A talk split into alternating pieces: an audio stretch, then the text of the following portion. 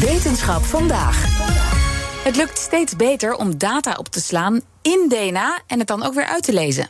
Hoe dat werkt en waarom we dit zouden moeten willen, dat bespreken we met wetenschapsredacteur Carlijn Meinders. Hey Carlijn. Hoi. Ja, ik wist niet dat dit kon. Nee, nou, het viel mij op dat hier de laatste tijd veel onderzoek naar wordt gedaan. En toen dacht ik, hebben wij het hier eigenlijk al wel eens over gehad? Ik kon het me niet herinneren. Uh, gelukkig is een van de nieuwste onderzoeken gedaan door Tom de Greef van de TU Eindhoven. Dat is lekker dichtbij. Dus uh, met hem heb ik even bijgepraat. Jullie vragen je vast af hoe dit werkt. Hè? Dat uh, data opslaan in DNA. Dat moet wel heel ingewikkeld zijn. Maar de Greef zei: nee hoor, dat is best simpel. het begint bij welke informatie wil ik opslaan. Je hebt bijvoorbeeld een boekpagina. En dus die boekpagina zet je eigenlijk eerst om naar een digitaal bestand. En digitale bestanden bestaan uit 1 en nullen.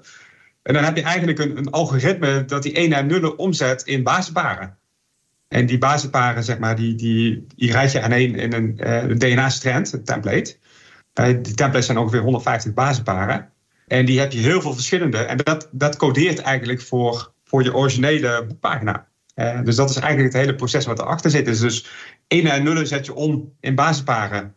Uh, je synthetiseert het DNA en dan heb je eigenlijk dus je, je data zeg maar in dat DNA. Appeltje eitje, jongens. Dit kunnen jullie ook gewoon, denk nou, ik. Nou, bijna, Carlijn. Maar goed, waarom zouden we dit willen eigenlijk? Uh, voordeel 1 ten opzichte van de huidige methode is opslagruimte. Er is eigenlijk geen uh, medium met een hogere datadichtheid dan DNA. Dus, dus, DNA heeft een uh, eh, 50 miljoen keer zo hoge datadichtheid dan uh, je harde schijf. Dus de hoeveelheid data die je zeg maar, op een vierkante centimeter kan opslaan, is gigantisch. En dat is eigenlijk het, grote voordeel van, van dataopslag op DNA. Dus je hebt een hele uh, kleine fysieke footprint nodig. Zeg maar zo'n heel groot datacentrum, ja, dat, dat zou je kunnen reduceren tot, tot iets superkleins, tot een klein lapje, zeg maar.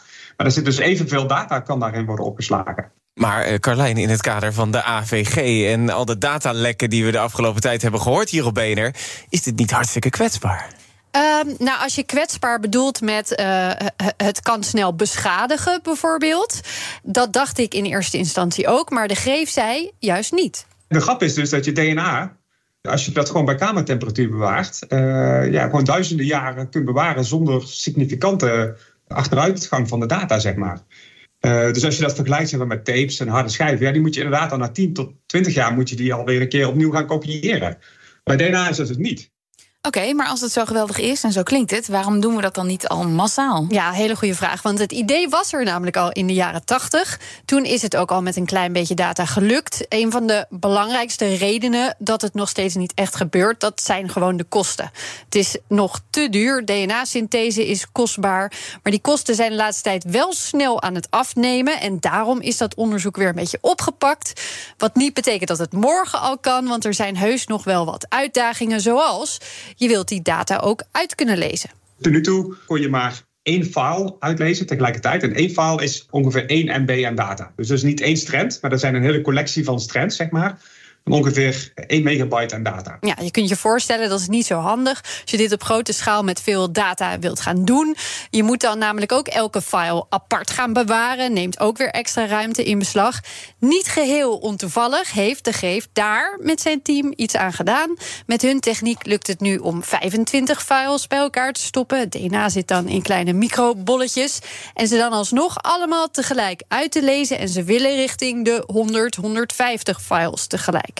En een andere hele belangrijke stap die we hebben gemaakt, is dat we het ook nog uh, meerdere keren kunnen uitlezen.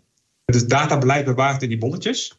Uh, we kunnen zeg maar, dus uh, al die files tegelijkertijd uitlezen. Maar in het oude proces, zeg maar, ging de datakwaliteit ook omlaag. Omdat je eigenlijk, je bent een soort fysieke sample aan het nemen van, van je data, waardoor die data ook weer verdwijnt. Nou, dat, dat resulteert erin, zeg maar. Dus als je meerdere keren data wil uitlezen, dat je dus telkens je datakwaliteit omlaag gaat. Eh, bijvoorbeeld na drie keer zagen wij dat je 95% van je data verliest. Op de oude manier. Nou, als we dus vanuit die bolletjes doen, uh, zien we nou dat we 0,3% verliezen na drie keer. En dus dat is echt, uh, dat is echt significant, een significante verbetering. Ja, dus dat verlies hebben ze nu teruggebracht van 35% naar 0,3%. Dat is een enorm verschil. Zit dus ook al bijna op 0% verlies. En waar gaan ze de komende tijd aan werken? Uh, nou, uh, stel je slaat iets op, maar er blijkt een foutje in te zitten in die data bijvoorbeeld. En je wilt dat aanpassen. Dan zou je zo'n DNA-streng er weer uit willen halen en willen aanpassen of vervangen met een nieuwe. Uh, dan heb je dus een veel dynamischere opslag eigenlijk nodig. Mm -hmm. Daar gaat hij onder andere mee aan de slag de komende tijd. Andere groepen, ook een recent onderzoek, werken bijvoorbeeld aan de dichtheid van DNA in die bolletjes. maar het is wel duidelijk dat het leeft, dit onderwerp, dat er veel interesse voor is. En aangezien we over drie jaar volgens de GEF wereldwijd zoveel data genereren dat we de helft ervan al niet meer kunnen opslaan, is het ook gewoon nodig om aan die alternatieven te werken. Hij hoopt zelf over niet al te lange tijd het allereerste DNA-datacentrum ter wereld hier in Nederland te kunnen ah, openen. Interessant. En als je nou in filmscenario's denkt, dan zou je DNA, je eigen DNA kunnen gebruiken. Dus dat je lichaam een soort datacentrum wordt. Dat je je memoirs gewoon Precies. in jezelf stopt. Precies. Dankjewel, Carlijn.